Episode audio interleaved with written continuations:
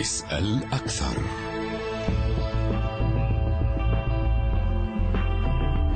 السلام عليكم واهلا بكم في اسال أكثر. عقب أيام من تصنيف لندن لها حركة إرهابية أعلنت حماس تبنيها عملية في مدينة القدس. نفذها أحد قياديها وأدت إلى مقتل مستوطن وإصابة عدة أشخاص بينهم عناصر من حرس الحدود الإسرائيلي. من جانبه وصف رئيس الوزراء الإسرائيلي نفتالي بنيت العملية بالمروعة وأشار إلى أنه أصدر تعليمات لقوات الأمن بالاستعداد لكافة السيناريوهات المحتملة فماذا تعني عملية القدس من الناحية العسكرية والأمنية؟ وهل تتجه الأمور لموجة تصعيد بين تل أبيب والفصائل الفلسطينية؟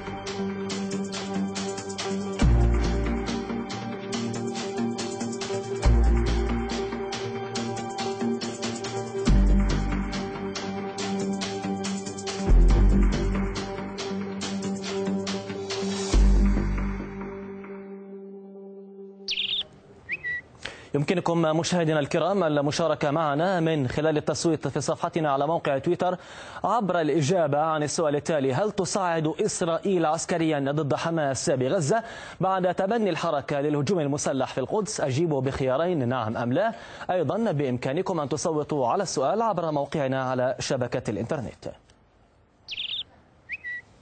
لحوار اليوم معنا من تل أبيب الباحث في مركز بيجن السادات للأبحاث الاستراتيجية الدكتور إيدي كوهن ومن الجليل الكاتب والمحلل السياسي أليف صباغ مرحبا بكما على شاشة أرتي وأبدأ معك أستاذ أليف ما هي رسائل حماس من وراء هذه العملية التي جرت اليوم في القدس؟ يعني قد تكون رسائل حقيقية تنظيمية بمعنى منظمة حماس تكون مسؤول عنها وتكون وقد تكون عملية فردية تبنتها حماس لأن من قام بالعملية هو عضو في حماس أو ناشط في حماس وربما يقولون إنه قيادي في حماس ولكن أنا أعتقد إنه ليس أكثر من ناشط يعني لو كان قياديا كانت اعتقلت إسرائيل من زمان. الرسالة في اعتقادي هي أن الفلسطيني لن ينكسر لن يستسلم وأن معركة سيف القدس مستمرة لأن هذه المعركة التي خلالها منع المستوطنون من اقتحام باحات الأقصى عادوا في اليوم التالي واقتحموا باحات الأقصى وهذا سبب غضبا فلسطينيا وكأن معركة سيف القدس لم تنتهي بعد. وبالتالي آه، يقوم بين الحين والآخر بين الحين والآخر ناشط فلسطيني. ربما لديه دوافع شخصية أو دوافع وطنية أو دوافع دينية. بدفع تنظيمي أو بدون دفع تنظيمي. وحقيقة الأمر أن الإنسان الفلسطيني في القدس لا يحتاج إلى توجيه تنظيمي حتى يقوم بعملية ضد آه، قوات الاحتلال لأن الغضب موجود القمع موجود الاستهدافات للأماكن المقدسة الإسلامية مستمرة وبالتالي متوقع دائما أن يقوم أي فلسطيني بعملية نعم. يعني ما تحدثت به الفصائل الفلسطينية جرت وأتت على هذا الأمر وقالت أن العملية عند باب السلسلة صباح اليوم تأتي في إطار الرد الطبيعي على ما سمتها جرائم إسرائيل المتصاعدة في مدينة القدس المحتلة كما سمتها أيضا وأحيائها. ألا تثبت هذه العملية دكتور إيدي أن حماس ما زالت قادرة على الضرب في مدينة القدس في الوقت والزمان الذي تحدده وأن هذا يأتي استتباعا لمعركة سيف القدس رغم التهدئة الجارية الحالية برعاية مصرية. لا سيد العزيز هذا غلط. أنت يمكن ما انتبهت حضرتك على ما قاله الطيف يعني من فمه أدينه. آه، هو قال إنه مش حماس هو لا يعتقد إنه حماس هي التي كما أنا أنا أيضا لا أعتقد إن حماس هي التي نفذت هذا هذه العملية الإرهابية. هذا شخص نفذ دكتور, دكتور حماس حماس, حماس. قالت في بيان رسمي إن هذا المنفذ هو أحد قياديها من مخيم شعفاط. لا لا كله كذب. كله كذب. ما حدا بيصدق. حتى ضيفك شكك في هذه الرواية يعني. هو قال أنه ليس إيه، قياديا قال أنه عنصر عادي. هكذا قال ضيفي. بنطوا يتصل هذول متسلقين لا لك ليش؟ لحتى تفسر بس لا تقطعني الله يخليك. بفسر للمشاهدين. إيه، إيه، هناك عملية حماس بتسمع إنه في عملية فورا تتبناها وبعدين فورا بيبعثوا للإيرانيين إنه هن نفذوا عملية ويطالبون بأموال وبيعملوا متاجرة والإيرانيين بيصدقوهم وبيدفعوا لهم أموال لهم ولل للارهابي ولعائلة الارهابي يعني هذا هو فقط هي هذا هو هدف التبني يعني. وهذا اولا. ثانيا سمعت ضيفك عم يحكي عن احتلال عن جرائم ضد المقدسات. يعني عناوين كبيرة. ما في شيء حقيقي وراءها شو اي جرائم ضد المقدسات؟ ويتكلم عن اقتحام. إيه، إيه، أنا أريد أن أستغل هذا المنبر لفسر لكل اللي عم بيسمعونا هلأ.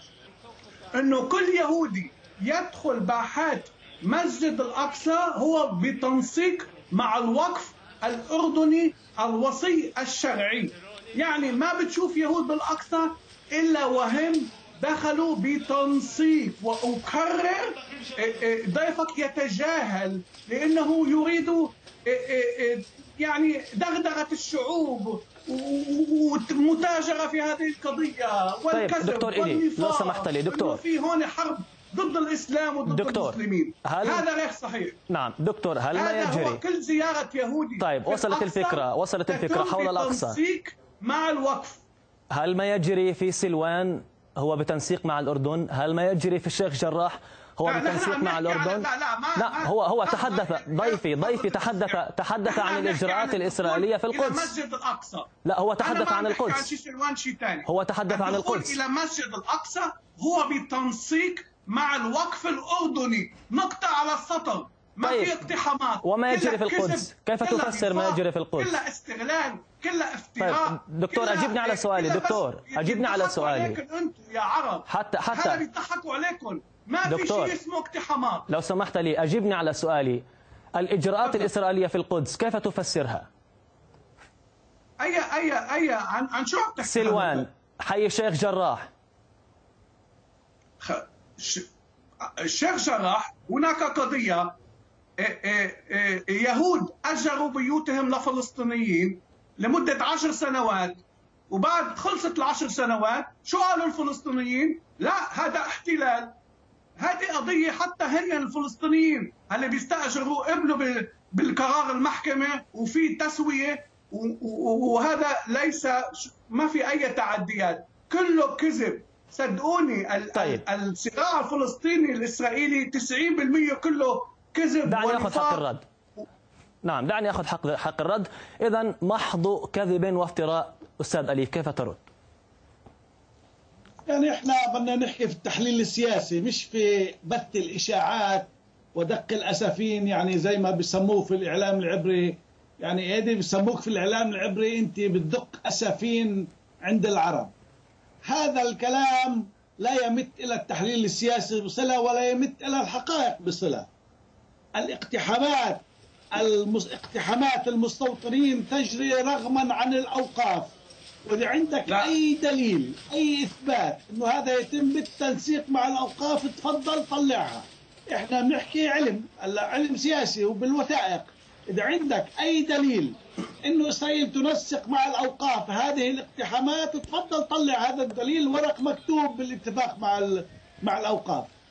هذا واحد. الأمر الآخر يعني شو عم تحكي عن الشيخ جراح؟ بتختلق أنت أمور عن الشيخ جراح. الشيخ جراح أرض بنت عليها الحكومة الأردنية وأخذت البيوت اشترتها البيوت.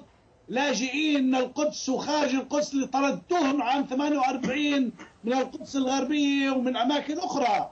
أخذوا هذه البيوت وسجلت باسمهم والأرض أيضا سجلت باسمهم. وهاي وثائق قدمت إلى المحكمة.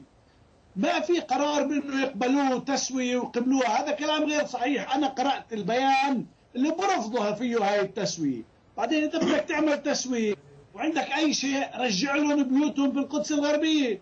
رجع لهم بيوتهم في في يافا رجع لهم بيوتهم في حيفا. بعد ما ترجع لهم بيوتهم احكي عن تسويات إضافة إلى ذلك القدس الشرقية منطقة محتلة وفق القانون الدولي ولا يحق لإسرائيل أن تقرر فيها لا المحاكم الإسرائيلية بتنفع فيها ولا شيء.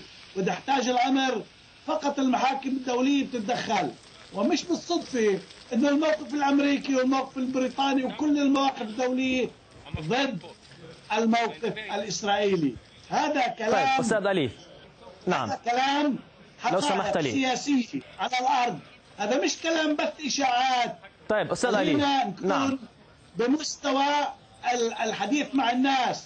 نعم. دعنا نتجاوز هذا المحور ونتحدث عن العملية التي جرت اليوم ما المنتظر أن تغير هذه العملية من من الناحية النفسية في قواعد المواجهة الآن في المدينة المقدسة؟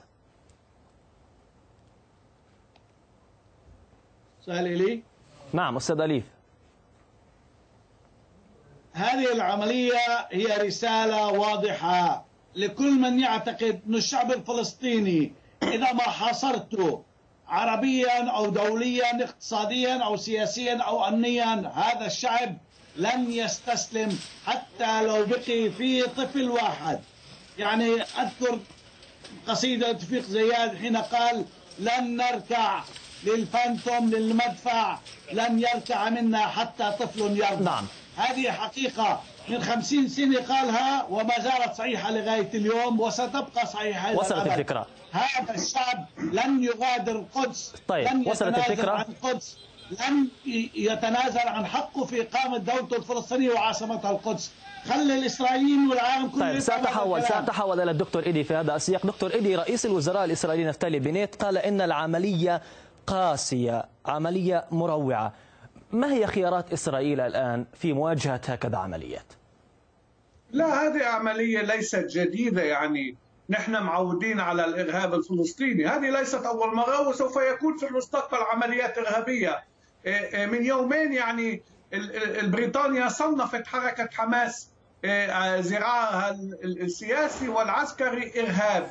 إيه إيه هذا يثبت أنه أنه حتى الآن هناك أقلية إيه إيه تريد تمارس الإرهاب. ال- ما حدا جاوب ضيفك. ما حدا طلب منهم الاستسلام والركوع. هذا خطاب الش- الشعبوي اللي ولد آه، في آه، شو اسمه ضيفك. هو يتمتع بالحرية مشان هو داخل إسرائيل يعني. تصور إنه هو في في دولة عربية شو كانوا عملوا له حتى لو حكي حتى لو حكي مع النظام. هو يتمتع بالحرية ويتكلم كما يشاء وهذا هذا الكلام بلا شيء أستاذ أليف يعني أستاذ أليف مسموح صباغ بلا. مقاطعة. لكن الكلام كلامه لم يعد ينطوي على أحد. طيب أين إيه، القدرات قام الأمنية من هذه أين عنده القدرات الأمنية؟ يا اما ما بعرف شو يا اما إيه، التاريخ دكتور، لنا القدرات كيف الأمنية من هذه مع العملية التي جرت؟ اليوم؟ يعني هيك إشياء. ليست من من من يعني مثل ما بي- بي- بيقولها من دوافع وطنية بده يحرر فلسطين. طب خلينا نشوف هلا. اللي عمله هل حرر فلسطين؟ هل حرر الأقصى؟ دكتور إيدي دكتور إيدي لو سمحت يعني؟ دعنا نبقى في سياق محور دعنا نبقى في. سياق محور الحلقة. أين القدرات الأمنية الإسرائيلية من العملية التي جرت اليوم؟ أول شيء آه، هذا الإرهابي تم آه، قتله يعني دقيقة أما دقيقة ونص بعد ما بعد ما أطلق النار يعني. هذا اولا. يعني هذا هذا هو إنجاز بحد ذاته يعني. عنده كان كلاشن وكان بمقدوره أن يقتل العشرات لا سمح الله. هذا إيه ثانيا هناك إرهاب حرب على الإرهاب. حتى أنتم بروسيا ما لما تشيتشيني الشيشانيين إجوا. ما فيك شو بدك تعمل؟ هذا إرهاب. بيطلع مع الكلاشن وبيرش يعني. هذا هذه هذا إرهاب جميع الدول تحارب الإرهاب. ثالثا شو شو شو شو ربح الشخص؟ تم قتله بيته سو- سوف ينهدم وحيصير عنده مشاكل أهله. يعني ماذا ربح الفلسطينيون؟ خلينا نقول أوكي قتل يهودي مدني. يعني هو لما لم لم يحارب هو قال لك قال لك علي الصباغ قبل قليل إنهم ربحوا من وراء هذه العملية أنهم لن يتنازلوا عن أرضهم. هكذا قال لك. ما حدا قال لهم يتنازلوا. كله حكي عبد الناصر كل الخطابات هذول. خليه خليه برافو خلي تضحك على الشعوب العربية يا صباغ خليك عم تضحك. يلا ليش ما أنت بتقوم تعمل هيك عملية؟ بس بتحب الآخرين يعملوا.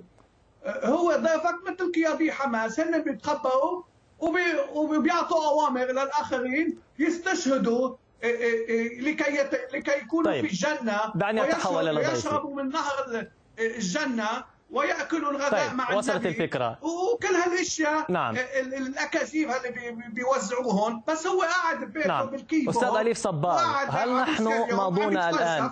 نعم. دكتور إيدي لو سمحت لي. دكتور دكتور إيدي لو سمحت لي. حتى نوزع الوقت بالتساوي دكتور. عائلات عشرات العائلات. دكتور دكتور إيدي لو سمحت لي. وصلت الفكرة وصلت الفكرة دكتور. لكي يموتوا وهو سيف في مع الكيبورد. في بيته. دكتور آه، أستاذ أليف صباغ هل نحن الآن ماضون إلى موجة تصعيد ما بين الفصائل الفلسطينية وإسرائيل الفصائل الفلسطينية في قطاع غزة على إثر ما جرى اليوم؟ هل الترجيحات تؤشر إلى هذه الأمور؟ يعني أنا كنت آمل أنه نبقى في مستوى التحليل السياسي مش في مستوى الكلام يعني كلام الشوارع. في التحليل السياسي آه، كل شيء متوقع. ولكن آه، للدقة أكثر إسرائيل في الوقت الحاضر لا تريد التصعيد مع قطاع غزة. هي تريد أن تصل إلى تهدئة طويلة الأمد مع قطاع غزة ضمن يعني مع المقاومة المقصود ضمن صفقة لتبادل الأسرى هذه الصفقة إذا ما نجحت ونجحت الصفقة الأخرى اللي هي التهدئة وهي أيضا صفقة.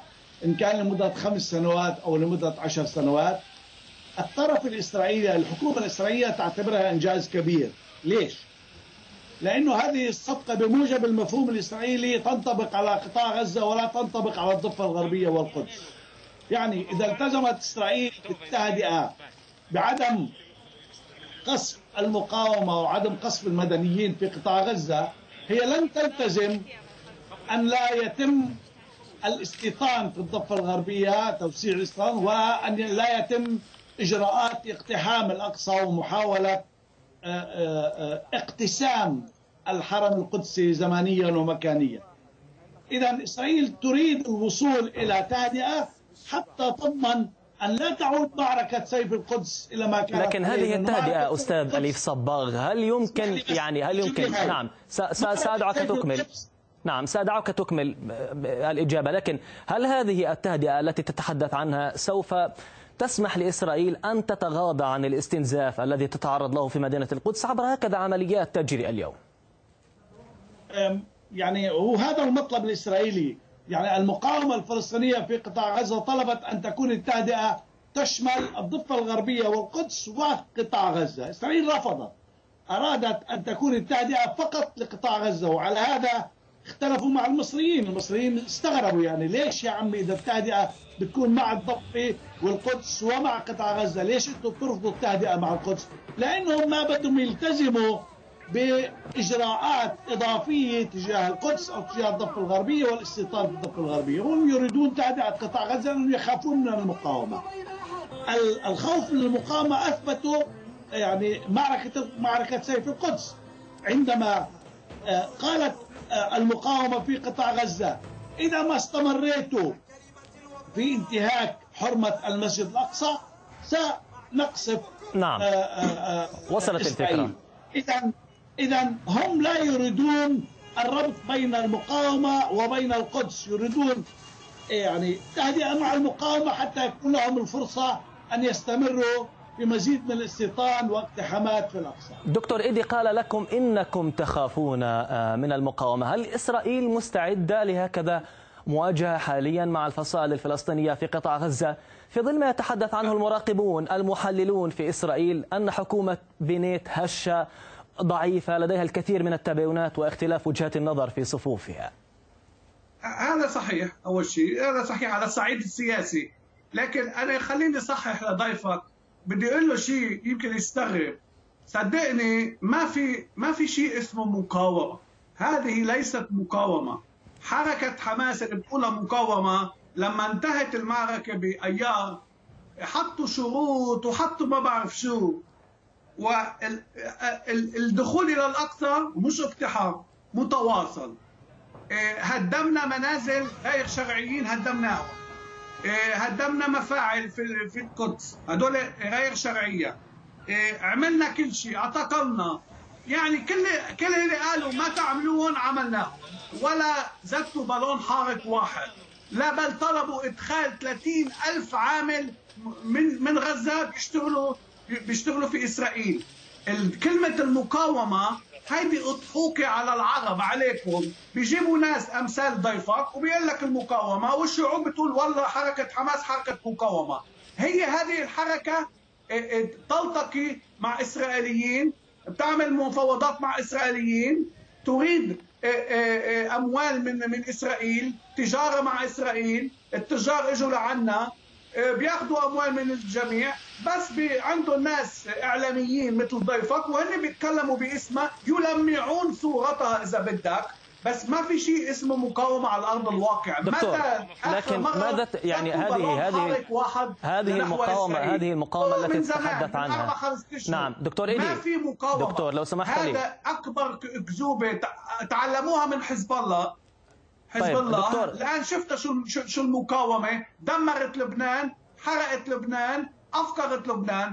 وهلأ ذات ما يسمى المقاومة افقرت غزة. غزة الفلسطينيين يهاجرون من غزة ويموتون في البحور في البحر ويعتقلون في تركيا. لكن هذه الحركة التي تتحدث عنها قبل قليل دكتور إيدي لو سمحت لي لو سمحت لي هذه الحركة التي تتحدث عنها ألم تجلس الإسرائيليين آه، في يعني تحت المنازل في الحرب جراء الصواريخ التي أطلقتها على إسرائيل.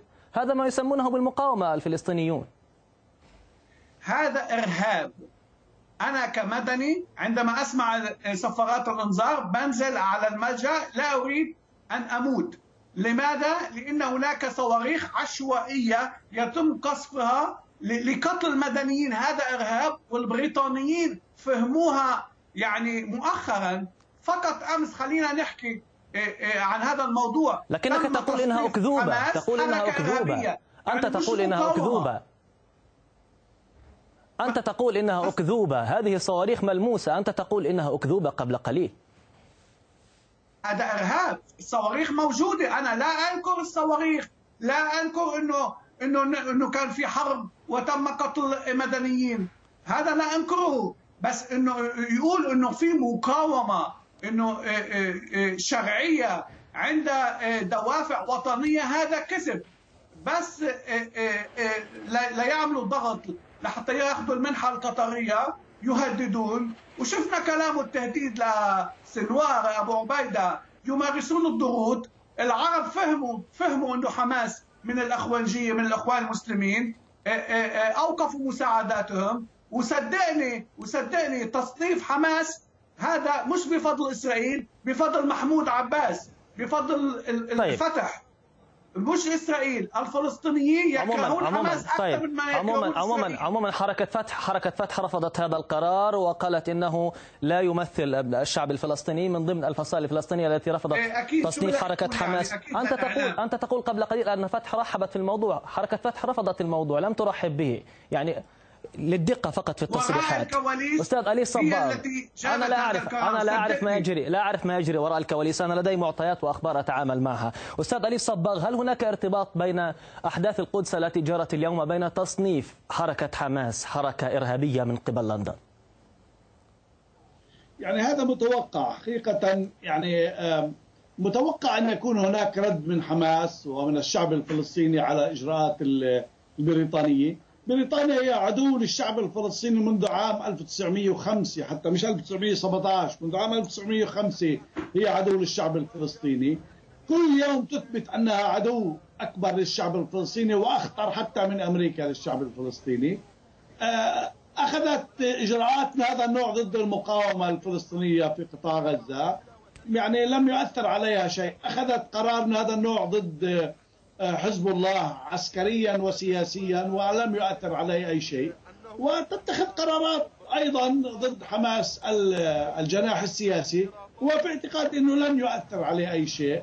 ولكن هي وزيرة الداخلية التي أجرت محادثات سرية دون معرفة حكومتها أجرتها مع إسرائيل وبناء عليها تقدمت باقتراح للحكومة من هذا النوع. هذه هذه وزيرة تريد أن تسترضي إسرائيل لأهداف خاصة لديها أنا لا أعرفها. ولكن من يعتقد مثل إيدي كوهن أنها ليست مقاومة في قطاع غزة فليقنع حكومة إسرائيل وجيش إسرائيل أنها ليست مقاومة. الجيش الإسرائيلي طيب تجاوزنا تجاوزنا. أستاذ علي الصباغ تجاوزنا هذا المحور تجاوزنا هذا المحور. أستاذ علي الصباغ تجاوزنا هذا المحور. لكن هذا التصنيف هذا التصنيف ألا يمثل مكسبا لإسرائيل؟ بغض النظر عن التوصيفات. هو مكسب سياسي لإسرائيل حقيقة. هو مكسب سياسي لهذه الوزيرة التي تواصلت مع إسرائيل من وراء ظهر حكومتها وقدمت هذا الاقتراح. لكن سنرى البرلمان البريطاني هل سيوافق على هذا الاقتراح أم لا؟ مسألة لم تنتهي بعد. ولكن نعم. في نهاية الأمر هذا هذا لا يغير من الحقائق على الأرض أي شيء.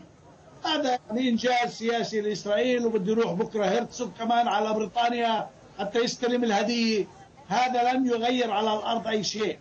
من يغير على الأرض هو وجود مقاومة صامدة أمام كل طيب. الضغوطات الدوليه والعربية والإسرائيلية رغم الحصار المستمر منذ 15 عام صامدة وقادرة أن تواجه العدو بقوات قليلة العدد طيب حتى نوزع الوقت بالتساوي. أعود مرة أخرى للدكتور إيدي. ما الذي يعني حققته إسرائيل من وراء هذا التصنيف لحركة حماس؟ كحركة إرهابية لشقها السياسي. خصوصا أن هذا الموضوع دكتور إيدي وأنت أستاذ يعني في العلوم السياسية تعرف أن له صولات وجولات في البرلمان البريطاني وهناك حزب الديمقراطيين الأحرار ثالث أكبر الأحزاب في البرلمان الذي يتبنى مواقف مناهضة لموضوع المستوطنات للبضائع الإسرائيلية ويعترف بحق فلسطين كدولة. لا بس هذا ليس له علاقة يعني. إيه، في واحد هذا زعيم الديمقراطيين اللي كان قبل يعني كوربين جيرمي كوربين هذا كان متعاطف حتى النخاع بس لك هو خلص يعني تم طرده من الحزب يعني. الآن أنا أعتقد بأن القرار سوف يمر. ما في أي سبب يدعوني أن أن أظن أنه لن يمر. لكن هذا هذا أول شيء انتصار لمحمود عباس. خلينا نفهم خلينا نفسر للمشاهد شو شو كيف الصراعات على الأرض؟ الصراع هو فلسطيني فلسطيني أكثر من من هو من ما هو إسرائيلي حمساوي.